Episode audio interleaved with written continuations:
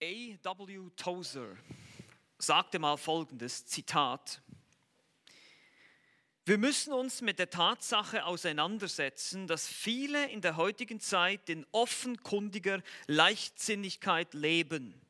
Diese Einstellung findet ihren Weg auch in die Gemeinde. Wir haben Freiheit, wir haben Geld, wir leben verhältnismäßig luxuriös. Das Ergebnis davon ist, dass die Disziplin praktisch verschwunden ist. Wie würde wohl ein Solo einer Violine klingen, wenn die Saiten am Instrument des Musikers schlaff herunterhängen würden, nicht fest gespannt, nicht diszipliniert sind? Zitat Ende. Es ist äußerst interessant, über dieses Zitat nachzudenken, weil A.W. Tozer ist schon seit 50 oder über 50 Jahren tot. Aber schon damals zeichneten sich in der Gemeinde Jesu Christi diese Probleme ab, die heute nicht unbekannt sind. Das sorglose Leben, der Luxus, die Wohlstandsgesellschaft gepaart mit einer Dosis Selbstzufriedenheit, Bequemlichkeit macht uns träge, es macht uns lauwarm und eben leider auch undiszipliniert. Nun, wir können natürlich nicht die Umstände beschuldigen und sagen, ja, diese böse Gesellschaft ist schuld, sondern es hängt natürlich immer noch mit uns selbst zusammen, mit unserer eigenen Sünde, mit unserem eigenen, den Überrest, den wir immer noch mit uns herumschleppen, den Todesleib, ihn Paulus beschreibt. Und wir brauchen auch heute eine gesunde Dosis Selbstdisziplin in unserem Leben als Christen. Damit wir wie diese Seite auf der Geige gestrafft und gespannt sind und brauchbar sind für den Herrn, wenn er darauf spielen möchte. Der Meister, wenn er sein Werk darauf spielen möchte, seine Melodie. Und wenn wir schlaff und undiszipliniert herunterhängen, dann sind wir nicht effizient, wir sind nicht brauchbar für den Dienst. Wir sind kein Zeugnis in der Welt, wir sind kein Licht, wir sind kein Salz. Wir sind im Gegenteil kontraproduktiv als Christen, wenn wir nicht in der Heiligung leben. Wir sind, wir wirken dem entgegen, was Jesus möchte. Und genauso waren die Christen in Korinth. Sie haben genau dasselbe Problem gehabt. Die Korinther damals verstanden wohl den Wert, die Wichtigkeit und die Rolle der Selbstbeherrschung auch nicht. Wir sehen das an ihrem unreifen Verhalten. Sie stritten, sie philosophierten, sie bildeten Parteiungen, es gab Spaltungen und Paulus musste das alles korrigieren. Sie bildeten sich was ein auf sich selbst, auf ihre Gelehrsamkeit, auf ihre Philosophie. Und sie benutzten Paulus und Apollos und die anderen, die in dieser Gemeinde äh, Hirten waren, als eine Art Podest, sie auf, so eine Art Fanclub, den sie bildeten für ihren Lieblingsphilosophen. Ich bin des Paulus, ich bin des Apollos. Und Paulus muss das korrigieren und sagen, ihr seid alle eins in Christus. Das Evangelium, die gute Nachricht von Jesus Christus, die Erlösung, die Vergebung eurer Sünde, euer Glaube, das alles vereint euch. Ihr sollt nicht streiten. Ihr sitzt alle im selben Boot. Und dann die ganze Unmoral, die ihr duldet aufgrund ihrer falschen Ansichten, ihrer griechischen Philosophie, dachten sie, naja, mein Körper kann mit dem eigentlich machen, was ich will, es spielt keine Rolle. So kam es zu grober Unmoral, die er ebenfalls korrigieren musste. Das sehen wir in Kapiteln 5 und 6 im ersten Korintherbrief. Und diese liberalen, angepassten, unmoralischen, leichtfertigen Christen in Korinth muss dieser Brief hier, wie gesagt, wie ein Ziegelstein an den Kopf getroffen haben. Das war eine harte Ermahnung. Das war nicht einfach zu schlucken, was Paulus hier schreibt. Und diese Leute leben in Selbstsicherheit, Selbstzufriedenheit. Wir sind schon angekommen. Wir sind die Besten. Wir sind die Geistlichen. Und Paulus sagt, nein, überhaupt nicht. Ihr seid fleischlich, sagt er im Kapitel 3. Ihr seid wie die Kinder. Ihr streitet euch wie kleine Babys. Und so mussten sie sich viel anhören hier. Und jetzt im Kapitel 9 geht es auch noch um die Selbstbeherrschung. Und jetzt wird dieser Ziegelstein gewissermaßen zum Betonklotz, zum Lastwagen. Schwer, es ist überführend. Es macht uns so klein und demütig. Wir erkennen, wie, wie schwach wir sind, wie schwach auch die Korinther waren, wie ungeistlich, wie unreif sie eigentlich waren. Vielleicht hilft es auch dir und mir, das zu sehen. Paulus muss dann ab Kapitel 7 verschiedene spezifische Themen ansprechen, die in der Gemeinde in Korinth ein Problem waren. Die Dinge, die er in Kapitel 1 bis 6 anspricht, das sind, die hat er durch mündliche Berichte zu Ohren bekommen. Und jetzt spricht er über Dinge, die sie ihm per Briefpost zugeschickt haben. Sie haben verschiedene Fragen gehabt. Ja, wie ist es denn mit, mit Ehe und Ehescheidung? Wie ist es denn, und unter anderem auch mit, dem, mit der christlichen Freiheit? Dürfen wir Fleisch essen, das Götzen geopfert wurde, dann müssen wir uns dann Gewissen machen oder wie müssen wir das machen? Und die Motivation dahinter war schon eine falsche. Diese Fragen wurden offenbar gestellt, nur weil es einige gab, die möglichst ihre Freiheiten ausleben wollen. Und so leben wir auch heute in einer Kultur, wo es vor allem darum geht, dass du, dass ich, dass wir unsere Freiheiten ausleben wollen. So sind wir geprägt. Das ist unsere Gesellschaft, der Individualismus. Tue, was dir gefällt. Tue, was dein Herz begehrt. Ohne Rücksicht auf andere.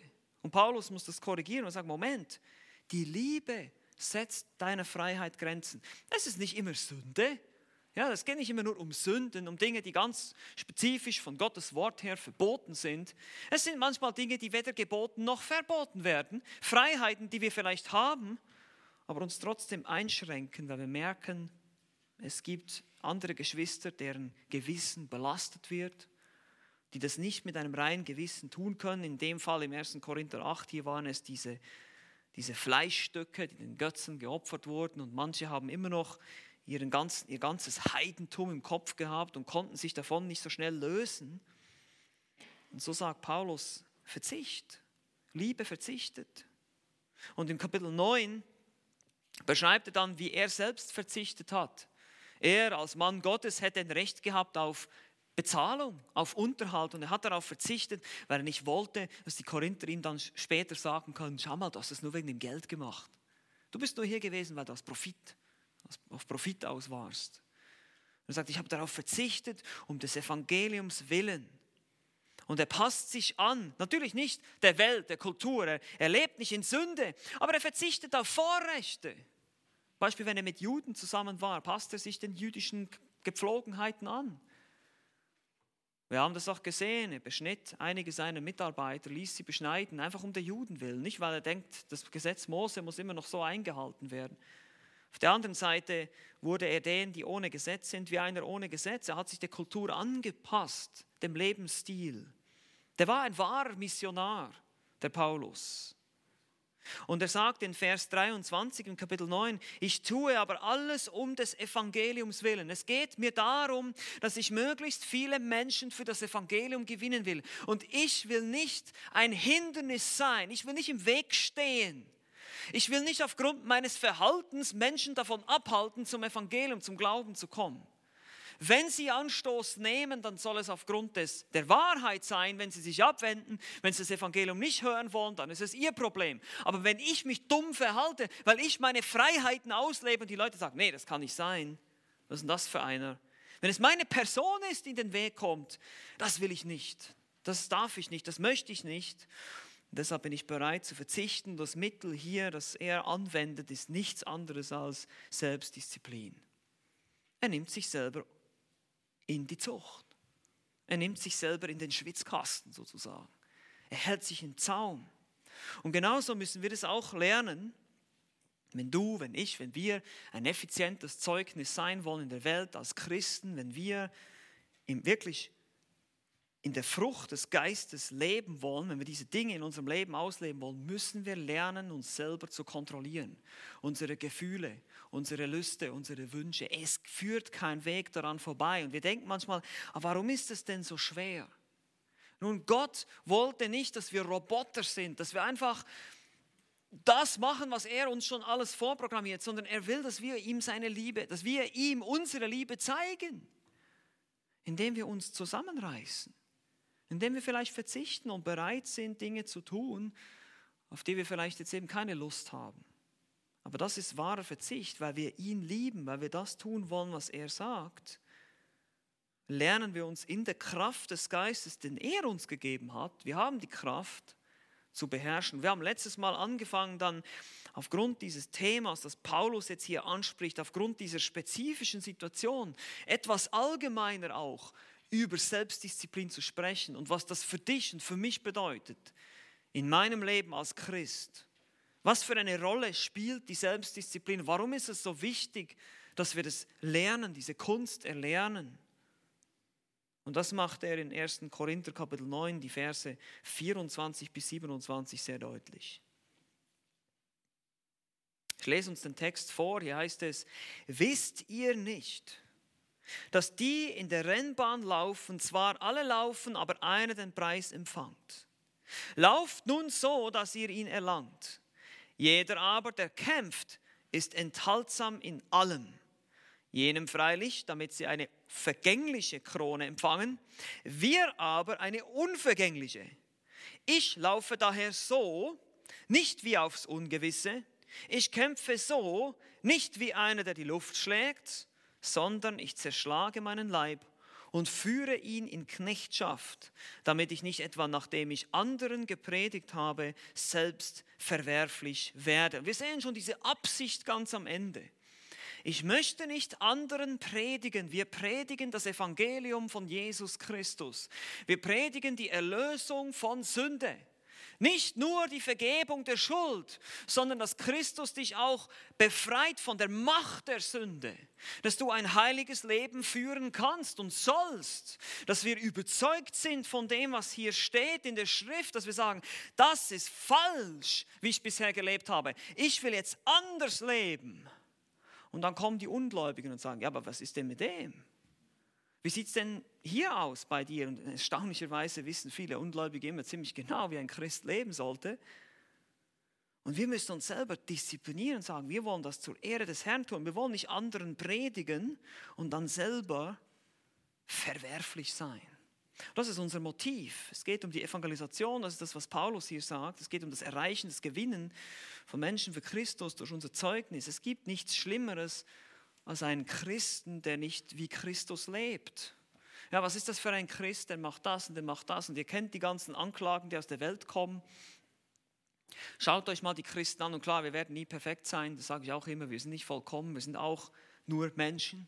Aber trotzdem, wenn man überhaupt nicht sehen kann in deinem Leben von dieser Nachfolge, wenn man überhaupt nicht sehen kann von diesem Christus, dass du ihm überhaupt nicht ähnlich wirst, dann kauft man uns das einfach nicht ab dass wir sagen, wir glauben das tatsächlich. Es ist auch unglaubwürdig.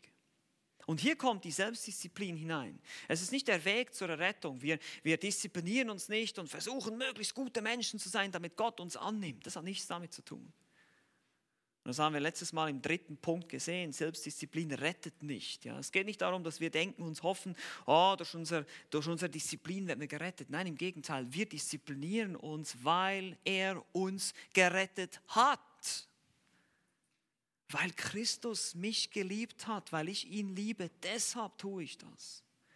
Das war der Punkt 2. Selbstdisziplin gehört dazu. Es ist das ganz normale Christenleben.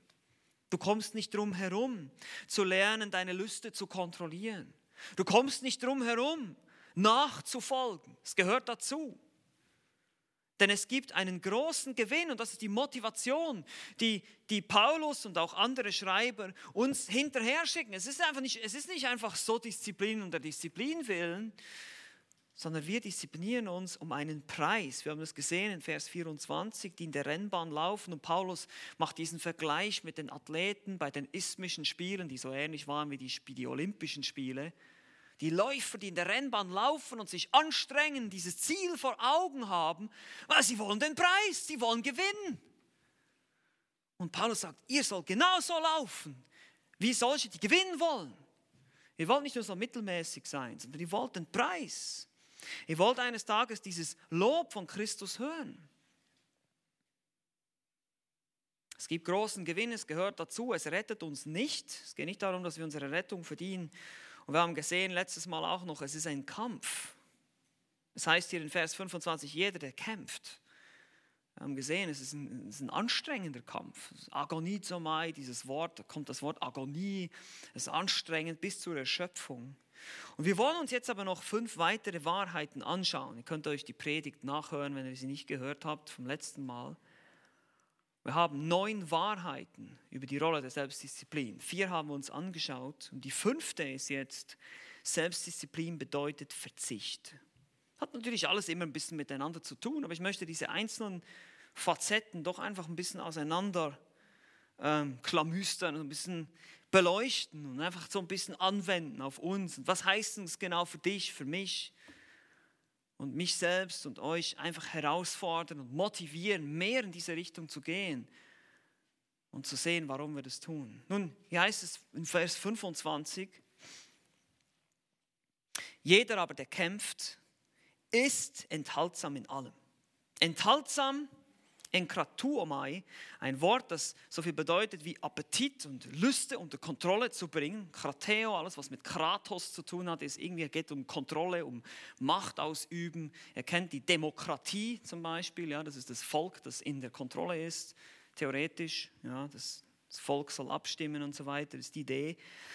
Äh, und deshalb hier die Idee, dass ich meine Lüste unter Kontrolle bringe, dass ich enthaltsam bin, dass ich verzichte wie beim Sport. Wie gesagt, Paulus ist hier immer noch in diesem Bild von diesem Athleten, von diesem Sportler.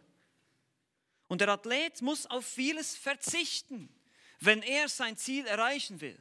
Das ist ganz natürlich. Er wird auf, vielleicht auf Ruhe verzichten, auf Bequemlichkeit, auf bestimmtes Essen. Es heißt hier, in allem, in allen Bereichen seines Lebens muss er Abstriche machen. Er kann nicht einfach so leben wie alle anderen, wenn er ein Spitzensportler sein will. Er muss ganz genau achten auf seine Gesundheit, auf seine Diät, auf seine Bewegung, auf sein Training. Da gibt es so viele Dinge. So ein gutes Bild für uns. Und er muss sogar Dinge aus seinem Leben entfernen, die vielleicht nicht unbedingt jetzt Sünde wären, aber die einfach hinderlich sind. Ich habe das letztes Mal schon gesagt und ich sage es gerne wieder. Du darfst mit 50 Kilogramm Gewichten an deinen Füßen an einem Rennen teilnehmen. Nur die Chancen, dass du so gewinnst, sind so groß wie die Fertigstellung des Flughafens Schönefelds. Ja, ungefähr. Ja. Du wirst nicht gewinnen. Und die Athleten in der damaligen Kultur mussten sich zehn Monate lang auf diesen Wettkampf vorbereiten. Intensives Training. Die ließen eine regelrechte Tortur über sich ergehen. Und wenn sie das nicht einhielten, waren sie schon im Vorfeld disqualifiziert. Die durften gar nicht zum Rennen antreten wenn sie nicht bereit waren, sich zu trainieren. Und ich habe diese Frage letztes Mal schon gestellt. Einige von uns sind Sportler, treiben Sport, vielleicht nicht so intensiv wie jetzt ein, ein Profi, aber doch auch. Und ihr wisst, wie das ist. Oder ihr kennt vielleicht jemanden, der Sportler ist. Ihr könnt nicht einfach dasselbe Leben leben wie alle anderen. Ihr müsst verzichten lernen. Ihr müsst sogar auf Freizeit verzichten, weil ihr braucht diese Zeit, um zu trainieren. Ihr müsst auf Bequemlichkeit verzichten, auf bestimmte Essensgewohnheiten auch, die ihr euch abgewöhnen müsst. Ihr könnt euch nicht mit Chips und Burger vollstopfen die ganze Zeit und denken, ihr könnt dann irgendwelche Leistungen ab, erbringen beim Sport. Das geht einfach nicht. Wir wissen das. Ihr gebt euer Geld aus, ihr investiert in Trainingsgeräte, in, in, in Trainingsstunden, in Lehrer, die euch diese Dinge beibringen als Sportler. Nun, übertrage das mal ins christliche Leben. Das ist nämlich nicht viel anders. Das ist ein gutes Bild. Das ist ein sehr gutes Bild. Wie viel Zeit, wie viel Energie investierst du wie ein Spitzensportler in dein christliches Leben, in dein geistliches Training? Verzichtest du auch auf bestimmte Dinge, die vielleicht nicht unbedingt Sünde sind, aber einfach hinderlich? Zu viel Fernsehen gucken, zu viel Zeit verschwenden auf dem Internet, zu viel, was weiß ich, andere Dinge? Vielleicht denkst du auch manchmal, du quälst dich am Morgen aus dem Bett, um hier um 9 Uhr hier zu sitzen und systematische Theologie zu büffeln. Ja? Das ist nicht gerade so das angenehmste manchmal, die Vorstellung, aber du weißt, ich tue das. Das ist wie ein Training. Das ist, das ist Training für mich. Das ist die Einstellung eines Athleten.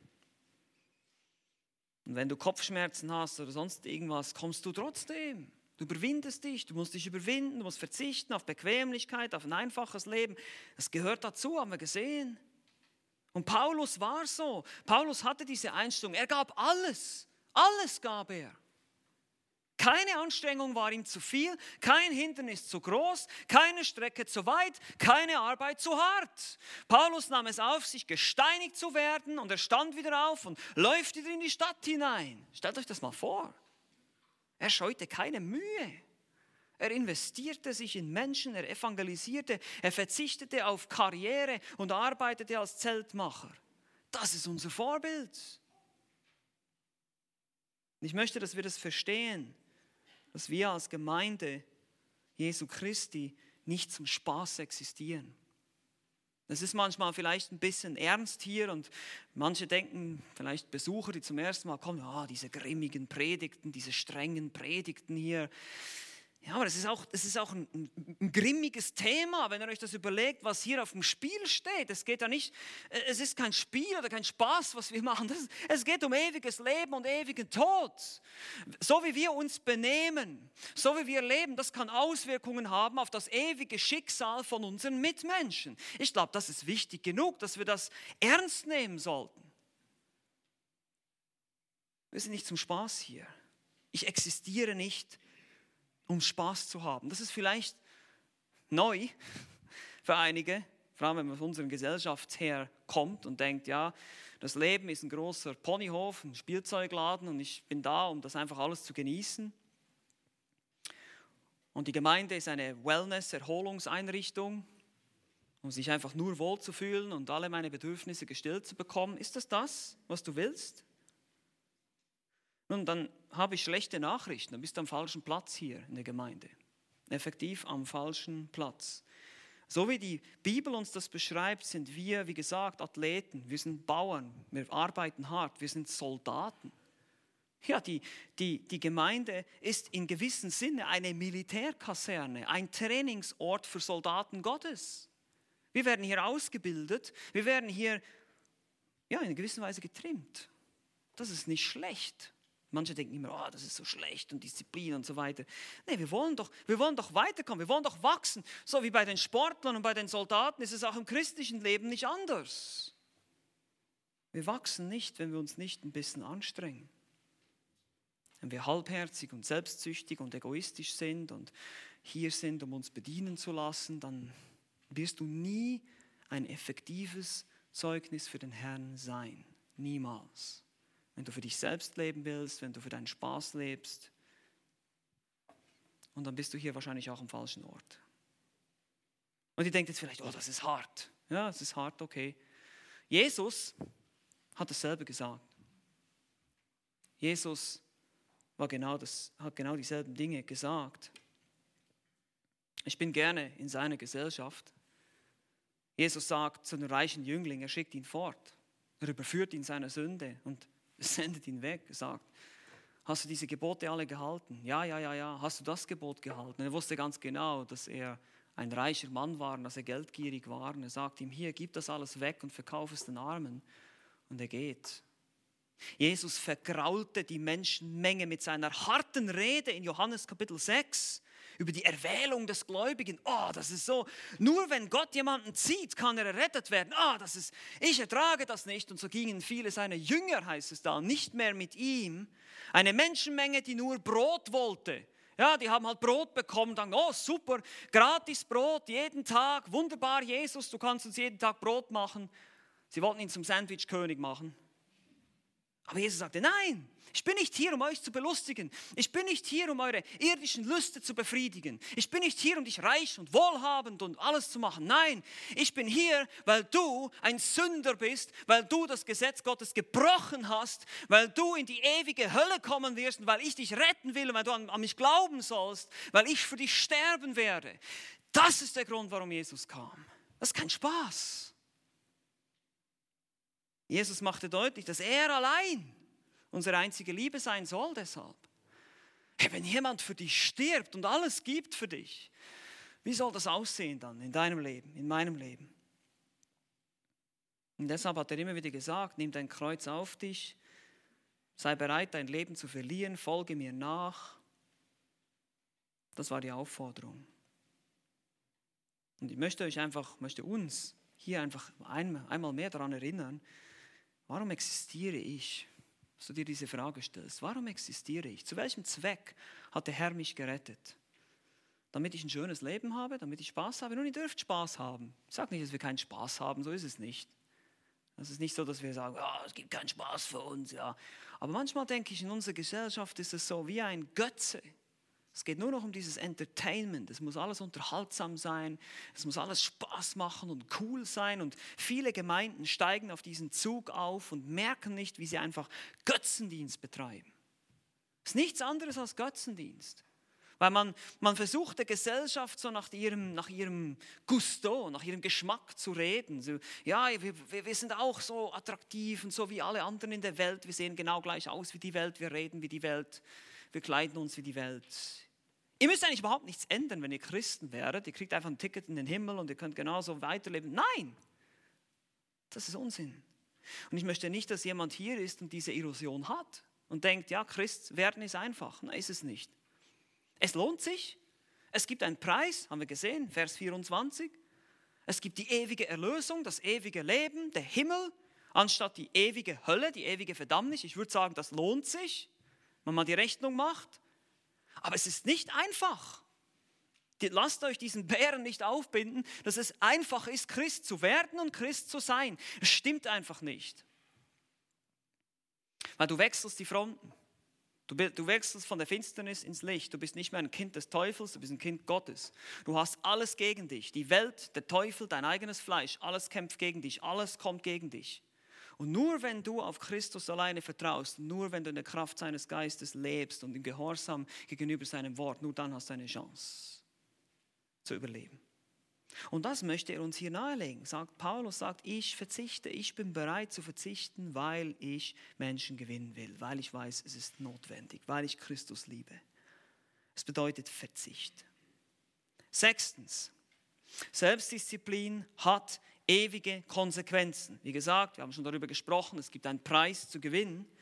Aber hier geht er nochmal darauf ein, ein bisschen ausführlicher noch. In Vers 25. Wir lesen diesen Vers nochmal. Jeder aber, der kämpft, ist enthaltsam in allem. Jene freilich, damit sie eine vergängliche Krone empfangen, wir aber eine unvergängliche. Also Paulus setzt gewissermaßen jetzt hier noch einen oben drauf. Er, er zieht jetzt diesen Vergleich zwischen dem Sportler und dem Christen.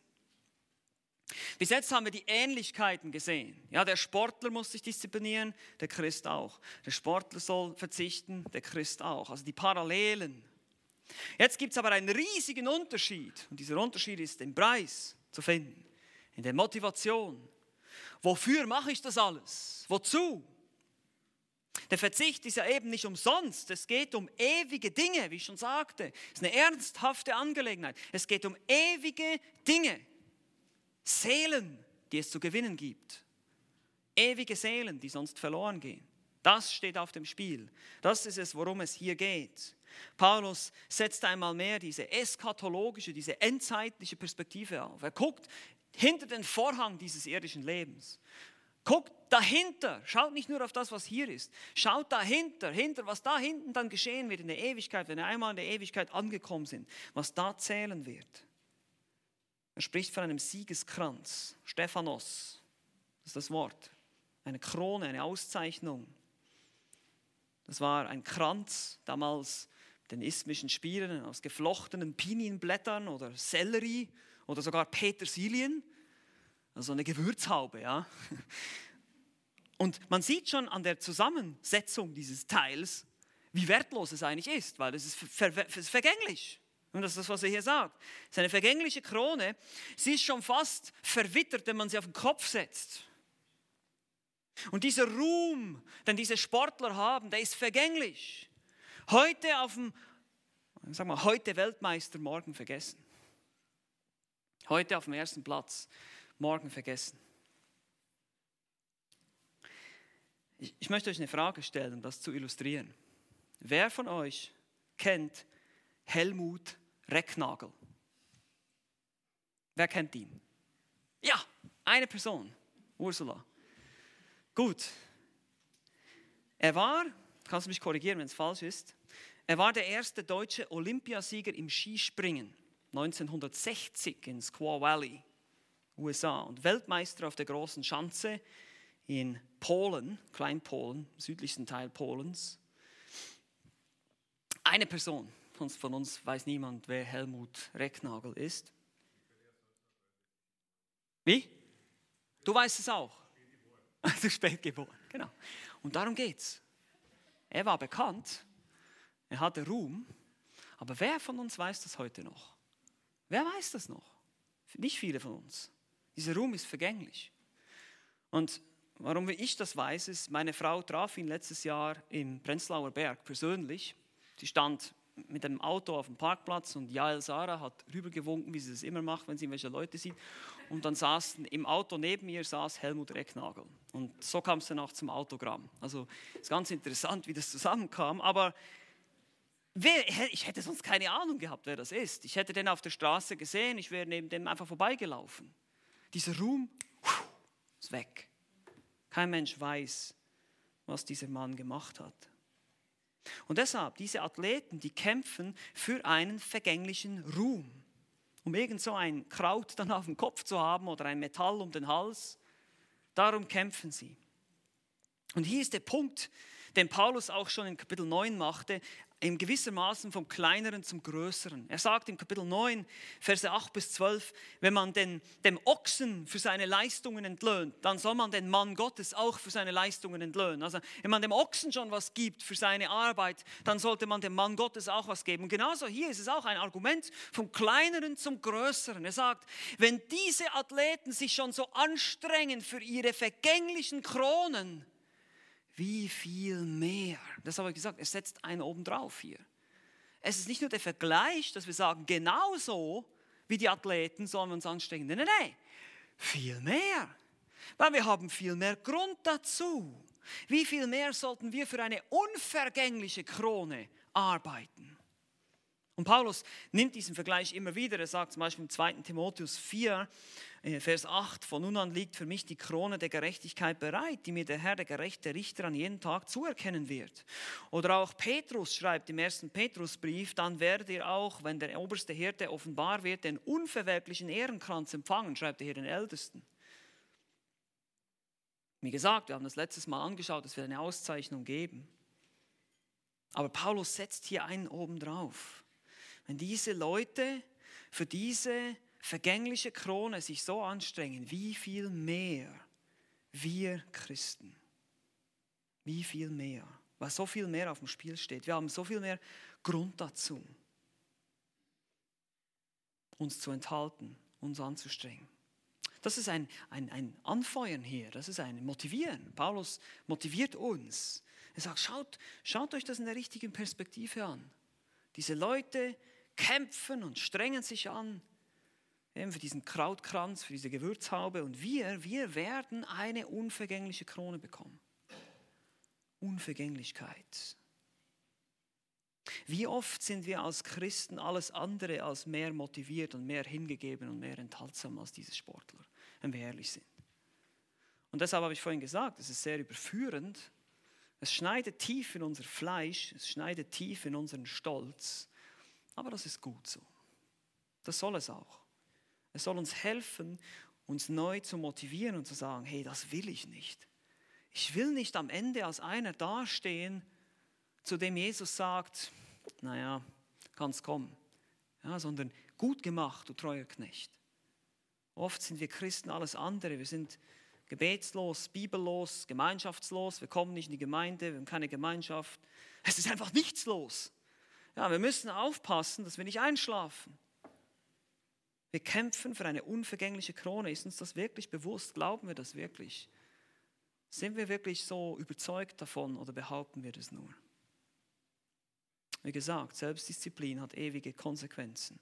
Also es bringt großen Gewinn, es gehört dazu, es rettet zwar nicht, aber es ist ein Kampf, es bedeutet Verzicht, es hat ewige Konsequenzen. Und jetzt siebtens, Selbstdisziplin ist nicht ziellos. Das ist Vers 26. Schaut euch das an. Es geht weiter. Wir kämpfen für eine unvergängliche Krone. Ich, und ich lese es jetzt hier aus der Elberfelder Übersetzung, was ein bisschen deutlicher wird. Ich laufe daher so, nicht wie aufs Ungewisse. Ich kämpfe so, nicht wie einer, der die Luft schlägt. Also dieses So hier ist die Art und Weise, wie er kämpft. Ich laufe nun, nun laufe ich so, in dieser Art und Weise, so diszipliniert, so fokussiert. Nicht wie aufs Ungewisse, nicht ziellos, nicht planlos. Und dann wechselt Paulus das Bild vom Läufer zum Boxer. Wir können uns erinnern, bei den ismischen Spielen war nicht nur das, das Laufen in der Rennbahn, sondern auch Boxen war eine der Disziplinen, die da ausgetragen wurde. Und deshalb kommt er auf dieses, dieses Bild zu sprechen. Er wechselt sozusagen die Metapher hier. Ich kämpfe nicht wie einer, der in die Luft schlägt. Manche Übersetzungen sagen auch, ich führe meinen Faustkampf. Puck Duo, das ist Boxen hier. Mit Fäusten kämpfen, das ist damit gemeint. Und ein Boxer, der in die Luft schlägt und ziellos irgendwo hinschlägt, naja, das wird nicht viel bringen. Das ist nicht sehr effizient. Er muss seinen Schlag genau da landen, auf dem Gegner, wo es ihn trifft. Und dann ist es auch noch so, als wenn du boxt und wenn du daneben haust, dass es viel mehr deine Energie auch aufbraucht.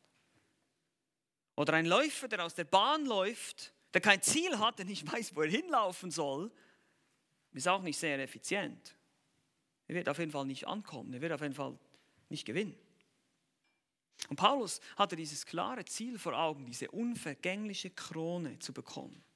Und auf dem Weg dahin so viele Menschen wie möglich für Christus zu gewinnen. Er hatte eine klare Vorstellung von dem, was er machen will. Aufgrund von dem Auftrag, den Christus ihm gegeben hat. Und er hat er war nicht ziellos und planlos. Alles, was er tat, hatte eine bestimmte Absicht und verfolgte immer wieder dieses Ziel, Menschen für Christus zu gewinnen. Und natürlich auch den Gemeinden in den geistlichen Wachstum zu helfen. Und wiederum, ihr Sportler unter uns und diejenigen, die Sportler kennen, ihr wisst, wie das ist, ihr diszipliniert euch, um ein bestimmtes Ziel zu erreichen. Ihr wollt dahin. Vielleicht das Idealgewicht oder die bestimmte Muskelmasse, aber ihr wollt irgendwo hin. Ihr habt ein Ziel. Das ist nicht ziellos. Ihr macht einfach irgendwas, irgendwelche Übungen, sondern gezielte Übungen, um bestimmte Muskeln zu trainieren. Übertragt das wieder ins christliche Leben. Wie gezielt ist hier unsere, deine, meine Selbstdisziplin? Ist sie auch zielgerichtet? Oder versuchst du nur irgendwelche frommen Turnübungen zu machen? Das bringt auch nichts. Es muss ganz bestimmte, gezielte Dinge sein, die du verfolgst. Was ist dein Ziel? Wenn ich dich fragen würde, welche Menschen evangelisierst du zurzeit? Mit welchen Menschen hast du Kontakt, denen du das Evangelium verkündigst, für die du regelmäßig betest? Hast du solche Menschen in deinem Leben? Und bemühst du dich um sie? Verfolgst du dieses Ziel, Menschen für das Evangelium zu erreichen? Oder das Ziel, geistlich zu wachsen? Was machst du konkret, um geistlich zu wachsen? Das ist eine Frage. Hast du konkrete Ziele? Oder auch wenn du jemandem anderen hilfst, geistig zu wachsen, was hast du da für Ziele? Welche Bücher liest du mit ihm? Welche Hausaufgaben gibst du und so weiter und so fort? Das muss konkrete Ziele haben. Ihr denkt jetzt vielleicht, ja gut, das ist ja die Aufgabe des Pastors. Nee, eben nicht. Wir alle sollen einander ermutigen zu Liebe und guten Werken. Jeder von uns hat diese Aufgabe. Nicht nur die Pastoren, die Frage ist, wie zielgerichtet bin ich in meinem geistlichen Leben? Habe ich Ziele? Habe ich einen Plan? Oder bin ich planlos? Und strenge mich vielleicht an, aber ich habe kein Ziel, ich habe keinen Plan, keine Strategie. Dann ist es auch ineffizient. Und die Bibel gibt dir genug Hinweise, was deine Ziele sein sollten. Und Paulus schreibt uns hier ganz, ganz deutlich, was sein Ziel war. Er sagt in Kapitel 9, Vers 22, wenn ihr ein bisschen zurückgeht, ich bin allen, die zweite Hälfte, ich bin allen alles geworden, damit ich auf alle Weise einige errette. Ich tue alles um des Evangeliums willen. Ein ganz klares Ziel vor Augen. Der war sehr fanatisch, würden wir heute sagen. Das darf man schon gar nicht mehr sagen, dieses Wort, aber ich mache es trotzdem. Das ist genau das, was wir Christen sein sollen. Wir sollen sehr fokussiert auf Christus sein und seine Ziele. Weil mein Leben gehört nicht mehr mir. Ich bin erkauft worden. Christus hat mich gekauft durch sein Blut. Ich bin sein Sklave jetzt. Ich bin sein Diener. Ich habe kein eigenes Leben. Ich gehöre nicht mir selbst. Ich habe mir selbst nie gehört. Vorher habe ich einfach dem Teufel gehört und dem Teufel gedient. Und jetzt gehöre ich Christus an und diene ihm. Aber ich war nie wirklich frei. Keiner von uns. Keiner war frei. Das muss uns bewusst sein. Die Frage ist, wem willst du dienen? Wie zielgerichtet sind wir? Also Selbstdisziplin bringt großen Gewinn, gehört dazu, rettet nicht, ist ein Kampf, bedeutet Verzicht, hat ewige Konsequenzen, ist nicht ziellos. Und achtens, Selbstdisziplin bedeutet Schmerz. Oh, das hören wir alle ganz gern, ich weiß. Vers 27 sagt er, sondern ich zerschlage meinen Leib und führe ihn in Knechtschaft bis hierher. Nun, wir sind eine schmerzscheue Gesellschaft. In unseren Breitengraden empfindet man Schmerz als etwas rein Negatives. Und für uns ist es sehr schwierig, uns vorzustellen, dass Schmerz auch positiv sein kann. Aber die Bibel gibt uns ein anderes Bild. Und ich weiß, Schmerz ist nicht, ich sage nicht, dass wir schmerzverliebt sein sollen und das irgendwie, ah, oh, so schön oder irgendwie sowas. Äh, das, davon rede ich nicht. Aber der Punkt ist, die Bibel zeigt uns auf, dass Schmerzen zur Besserung des Herzens führen. Dass Schwierigkeiten, Probleme und Schmerzen oft dazu führen, dass wir geistlich wachsen. Und dass es ohne Schmerz oft nicht geht. Nun, wir denken wieder an den Sport. Das Beispiel aus dem Sport. Die Athleten, die ihre Muskeln trainieren, bis sie schmerzen. Das muss wehtun, sonst wachsen die Dinge nicht. Wenn man dann nur so ein bisschen hm, Bleistift, ja, das ist vielleicht angenehm. Ja, oder hier mit, mit der Bibel ein bisschen so machen. Ja, okay, jetzt habe ich trainiert für heute. Ja, aber da werden meine Muskeln nicht wachsen können. Ich muss es so machen, dass es richtig, oh, das strengt an, das tut richtig weh hier. Ein bisschen zur Schmerzgrenze gehen, natürlich nicht überstrapazieren, ihr kennt die Regeln hoffentlich. Nicht, dass mir nächste Woche einer kommt und sagt, oh, ich hab, ja, okay, bitte nicht. Ich bin kein Sporttrainer hier, da müsst ihr euch bei Wladimir melden, der kennt sich da besser aus. Aber das Prinzip hoffentlich ist klar. Es muss, irgendwo muss es wehtun, damit wir weiterkommen. Und das ist genau das, was er hier sagt. Er sagt hier, ich zerschlage meinen Leib. Bezwingen, äh, wie das die Schlachter übersetzt, ist eigentlich sehr schwach hier. Eben, es ist vielmehr ein Zerschlagen. Hupopiaso, das ist ein, ein, ein blaues Auge schlagen eigentlich, bedeutet dieser Ausdruck. Ich schlage meinem Leib, meinem Fleisch ein blaues Auge. Autsch! Das hört sich nicht angenehm an. Und das zweite auch hier, in Knechtschaft führen. Dulagogeo als Sklave mitführen, ist das Wort Dulos drin. Ich führe jemanden mit als Sklave. Ich behandle meinen Körper wie einen Gefangenen, einen Sklaven. Ich mache ihn gefügsam, gehorsam. Ich nehme ihn den Schwitzkasten und nehme ihn mit und zwinge ihn, du machst jetzt, was ich sage. Das ist die Idee hier. Körper, Fleisch, ich schlage dich, ich versklave dich, ich mache dich fügsam. Das ist, was Paulus sagt hier. Nun, das ist keine Aufforderung zur Selbstkasteiung wie im Mittelalter, wo sie sich da selber ausgepeitscht haben, so ein Unsinn. es geht nicht darum, und ich hoffe, wir verstehen das hier in diesem Kontext, was er genau damit meint. Er meint einfach, es kann anstrengend und schmerzhaft sein, uns zurückzuhalten, um Disziplin auszuleben. Kein Schmerz, kein Gewinn. Ohne Schweiß keinen Preis. Und das ist genau das, was der Sport uns veranschaulicht und wir im geistlichen Leben auch ausleben müssen. Wir müssen aufhören, uns zu beschweren als Christen, wie anstrengend das christliche Leben ist. Und es ist so schwierig. Und das ist so anstrengend. Und das ist so schwer. Und ja, das ist einfach so. Das gehört dazu. Willkommen in der Realität. Du bist in einer sündigen Welt, in einer gefallenen Welt. Du hast immer noch diese Überreste deines sündigen Fleisches, das du mit dir rumträgst. Du hast einen Teufel, der nichts anderes will und seine ganze Kraft und alle seine Dämonen dafür einsetzt, um dich kaputt zu machen. Und du denkst, dein Leben wird einfach. Das ist einfach völlig absurd. Was denken wir eigentlich, wenn wir die Bibel ernst nehmen, wenn wir diesen geistigen Kampf sehen? Stellt euch mal vor, ein Sportler würde sich über sein Training beschweren. Oh, dieses Training ist so anstrengend. Du wolltest doch Sportler werden und willst dir deine Muskeln haben. Und genauso ist es bei dir, bei mir. Du wolltest doch Christ sein und willst Errettung haben. Also bitteschön. Wir müssen, wir müssen das ganze Paket nehmen. Wir dürfen nicht nur sagen, ja, wir wollen nur so die angenehmen, die Schokoladenseiten. Ja, ja, ich will halt die Lösung und so, aber ich will nichts dafür tun. Und wie gesagt, ich möchte es hier nochmal betonen. Wir können nicht in dem Sinne etwas dafür tun, dass wir unsere Rettung verdienen. Ich hoffe, das ist klar. Aber wir können was dafür tun, wenn wir als Christen effizient sein wollen in unserem Glaubensleben, wenn wir als Missionare für den Herrn brauchbar sein wollen, wenn wir Menschen erreichen wollen mit dem Evangelium, wenn wir unseren Auftrag erfüllen wollen, dann müssen wir uns anstrengen. Kommen wir nicht drum herum. Ich muss lernen, mein Fleisch zu schlagen. Ich muss lernen, meine Lüste zu kontrollieren. Das ist ein richtiger Kampf und das kann man mal richtig schmerzen. Das ist nicht einfach. Es, es, es kommt nicht von alleine bei uns. Es ist nicht natürlich für uns. Wir Ehemänner, wenn wir zu faul sind, um vielleicht Zeit mit unseren Kindern zu verbringen oder unsere Frauen zu lieben, dann müssen wir zu unserem Fleisch sagen, Fleisch, sei ruhig. Ich mache jetzt, was die Bibel sagt. Ich werde mich jetzt um meine Kinder kümmern oder ich werde jetzt hier das tun oder diese Liebe erweisen oder diese gute Tat oder was immer gerade die Möglichkeit ist. Ehefrauen, selbe.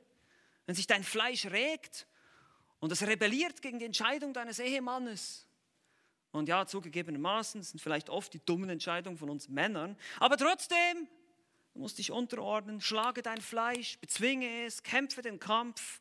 Es tut vielleicht weh, aber es gehört dazu. Kinder dasselbe. Seid gehorsam euren Eltern, heißt es in Epheser 6 und alle anderen auch von uns. Wenn die Sünde an die Türe klopft und das Fleisch sich regt, dann sagen wir, nein, Ruhe, still, ich höre nicht auf dich. Das müssen wir immer wieder tun. Das ist das, was Paulus, dieses Bild, was er hier verwendet, wenn wir unsere Leiber zerschlagen. Das ist natürlich eine Metapher, ja. Geht jetzt bitte nicht nach Hause und fangt euch an zu schlagen oder irgendwie sowas. Und Paulus meint das hier bildlich, aber es ist manchmal wirklich so, dass es fast weh tut. Dass es uns fast zerreißt, wenn wir angefochten sind. Oder wir merken, es ist wieder viel zu spät. Wir sind schon wieder voll reingefallen, die Sünde. Selbstdisziplin bringt großen Gewinn, gehört dazu, rettet nicht, ist ein Kampf. Bedeutet Verzicht, ewige Konsequenzen hat es und es ist nicht ziellos und es ist auch manchmal mit Schmerz verbunden. Es kann auch sein, dass es bis zur Verfolgung geht und bis zum Bekenntnis, dass du dich zu Christus bekennst und du dann Schmerzen leidest. Das kann sehr wörtlich aussehen plötzlich. Das ist für uns im Moment noch nicht die Realität, aber kann eines Tages kommen. Und neuntens, und das ist, glaube ich, der wichtigste Punkt, das ist auch das, der letzte Satz hier in Vers 27, Selbstdisziplin verherrlicht Gott. Wenn du als Christ in Selbstdisziplin lebst, im Gehorsam gegenüber seinem Wort, gibst du Gott die Ehre. Selbstdisziplin ist nicht nur ziellos, es ist auch nicht zwecklos. Es hat auch einen Zweck, den es verfolgt. Und das seht ihr jetzt hier im letzten Vers, in Vers 27 diese Aussage, damit ich nicht etwa, nachdem ich anderen gepredigt habe, selbst verwerflich werde. Das ist genau der Punkt. Damit ist ein Zweck. Nachdem ich anderen großartig verkündigt habe, wie Christus mich befreit hat von meiner Sünde, wie er mir meine Sünden vergeben hat und wie ich jetzt in einem neuen Leben wandeln darf, nicht mehr in der Finsternis, sondern im Licht, nachdem ich das großartig verkündigt habe, will ich nicht anderen gepredigt haben und dann selbst erfunden werden als jemand, ja, schau ihn mal an, er da jetzt in Sünde lebt plötzlich. Und deshalb verzichten wir, deshalb disziplinieren wir uns.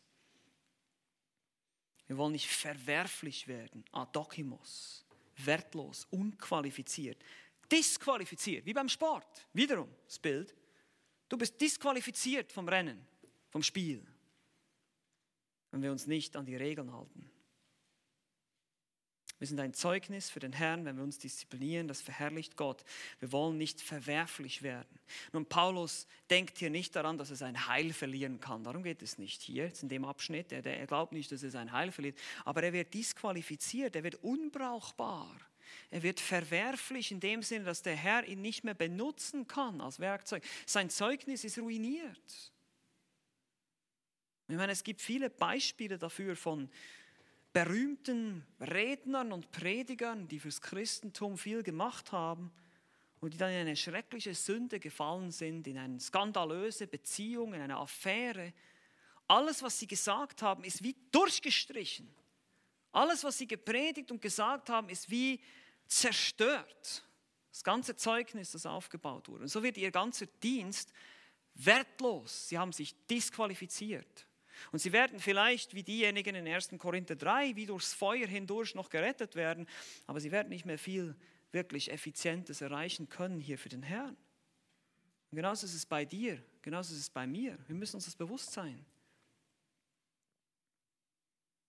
Ein dummer Moment, eine falsche Entscheidung kann dich völlig nutzlos machen für den Dienst unter Umständen. Je mehr Verantwortung du hast, desto mehr ist das der Fall.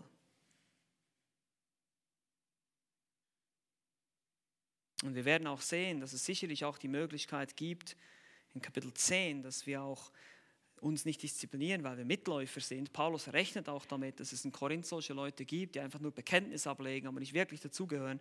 Aber hier spricht er vor allem auch von dem Preisgericht, von dem, was du hier auf Erden wirkst für den Herrn. Wie gesagt, wenn jemand beim Sport Doping nimmt und das rauskommt und auffliegt, dann hat er geschummelt, dann ist er disqualifiziert, dann, dann ist er weg vom Fenster. Und ja, ich weiß, im Sport manchmal können diese Leute dann wieder hergestellt werden und irgendwann mal dürfen sie vielleicht wieder spielen, aber wir als Christen, wir können uns sowas nicht leisten. Du kannst nicht schummeln, es gibt keine Abkürzung für den christlichen Lauf. Wir müssen ihn mit Ausdauer laufen. Unser Leben als Christen sollte ein lebendiges Schlachtopfer sein für den Herrn. Wir sollen Christus nachfolgen. Und das erfordert, dass wir unsere Appetit und unsere, unsere Lüste und unsere Regungen in uns drin in den Griff kriegen. Und es gibt nichts Schlimmeres, es gibt keine größere Schande als ein Christ, der sich nicht beherrschen kann. Müssen wir uns auch bewusst sein. Wir bringen Schande über unseren Herrn. Wir müssen das verstehen. Wir können nicht herumgehen und allen anderen von unserem Glauben erzählen und sagen, ja, wie Christus wunderbar ist und wie, wie Christus uns befreit hat und du lebst in, in Gebundenheit, in Sünde. Nicht, dass wir vollkommen sind. Ich weiß, dass wir alle sündigen dass wir auch wieder äh, Vergebung brauchen, wieder aufstehen. Aber du lebst nicht in einem, in einem ständigen Gefangenschaft, in einem ständigen Muster der Sünde. Das, dann sagst du lieber nichts über, über deinen Glauben, als dass wir unseren Glauben in den Dreck ziehen vor den Menschen in der Welt. Ich möchte uns einfach alle hier ermutigen, aber auch herausfordern, eben über die Selbstbeherrschung nachzudenken in deinem Leben. Ganz persönlich, nicht rumzugehen und andere anzuschauen, was ist mit dem und der beherrscht sich ja auch nicht, sondern dass ich in den Spiegel schaue und sage, was ist mit mir? Wo kann ich in meinem Leben noch mehr wachsen? Wo gibt es in meinem Leben vielleicht unnötige Dinge, die vielleicht nicht Sünde sind, aber die ich vielleicht sage, okay, da könnte ich verzichten, weil es ist ein Hindernis für mein Zeugnis am Evangelium. Und sie verspricht uns großen Gewinn, eine unvergängliche Krone. Diese Disziplin. Der Herr wird uns empfangen und wird sagen, gut gemacht, du treuer Knecht. Und die Frage ist, willst du das hören? Möchtest du das hören eines Tages? Und dafür sind alle Entbehrungen und Verzicht auf Annehmlichkeiten, sind es einfach wert, sind es einfach nur wert. Und es bedeutet manchmal Schmerz, es bedeutet manchmal Verzicht, es bedeutet manchmal Probleme im Leben, Kampf gegen mein, Fleisch, meine innewohnte Sünde und doch lohnt es sich. Und wenn du jetzt heute hier bist und denkst, das macht irgendwie alles keinen Sinn für mich, dann möchte ich dich bitten, dass du erst einmal an Christus glaubst. Weil Disziplin alleine wird dich nicht retten. Du kannst nicht ein guter Mensch werden, indem du jetzt versuchst, ein bisschen gut zu sein hier und dich ein bisschen zusammenzureißen. Wir alle sind Sünder, wir alle haben Gottes Gesetz übertreten, wir können Gottes Gebote nicht halten in vollkommener Weise. Wir brauchen Christus als Erlöser. Er ist gestorben für meine Sünden, er ist auferstanden um meiner Rechtfertigung willen. Und wenn du an ihn glaubst, dann hast du ewiges Leben. Und wenn das dann der Fall ist, dann lernen wir, wenn wir dann gerettet sind, wenn wir dann in dieser Position sind vor Gott, wenn er uns gerettet hat, dann lernen wir in der Selbstdisziplin zu leben. Dann lernen wir diese Dinge zu tun, die Paulus sagt, damit wir andere Menschen erreichen. Weil es gibt nur zwei Orte. Entweder wird, wirst du nach deinem Tod in die ewige Hölle oder in den ewigen Himmel kommen. Es gibt nur diese zwei Orte. Es gibt nichts anderes. Und unser Ziel ist es, dass du nicht da endest, wo du ewigen Schmerz haben wirst, wo du ewig verloren bist, sondern wir wünschen uns, dass du ewiges Leben hast und mit uns gemeinsam im Himmel sein wirst. Und mit uns gemeinsam anfängst zu laufen in diesem Lauf, der uns bestimmt ist. Lasst uns ermutigt sein, in die nächste Woche hineingehen und uns Gedanken machen darüber, wo wir effizienter sein können für den Herrn, wo wir vielleicht eben auch in unserem Leben mehr verzichten oder uns mehr disziplinieren müssen. Lasst uns noch dafür beten. Amen. Jesus Christus, ich danke dir, dass du unser Rettergott bist, dass du uns aus Gnade und Liebe allein gerettet hast. Danke für deine Güte. Danke für deine Kraft, die du uns gibst, indem du uns den Heiligen Geist gegeben hast, mit dem wir versiegelt sind, indem wir jetzt die Kraft haben, in einem neuen Leben zu wandeln. Und Herr, ich bitte dich, vergib du uns unsere Lauheit, oft unsere mangelnde Selbstdisziplin, unser mangelnder Enthusiasmus, vielleicht auch unsere mangelnde Begeisterung manchmal. Und wir doch sehen, wie die Athleten rennen, um diesen vergänglichen Kranz zu bekommen und wir, die wir eines Tages eine unvergängliche Krone bekommen werden, wir strengen uns viel weniger an. Wir hätten viel mehr Grund dazu. Bitte hilf uns heute und auch nächste Woche einfach darüber nachzudenken, wo wir stehen in diesem Rennen und wo wir uns auch mehr disziplinieren können. Nicht damit wir irgendwie errettet werden oder sowas, uns erhoffen, wir wissen, dass wir aus Gnade allein, durch Glauben allein gerettet sind, aber dass wir einfach noch mehr Frucht wirken dürfen. Auch Paulus hatte dieses Anliegen, er möchte brauchbar sein für dich und das wollen wir auch. Herr, bitte mach uns zu brauchbaren Werkzeugen in deiner Hand, in deiner Hand. Und egal was es benötigt, egal was es braucht für uns, um das zu werden, schenk du Gnade dazu. Denn das ist unser Ziel. Unser Ziel ist im Himmel, unser Ziel ist, da anzukommen und möglichst viele Menschen noch gewinnen zu können. Schenk du Gnade und wirke du zu deiner eigenen Ehre und Herrlichkeit. Wir beten in deinem Namen. Amen.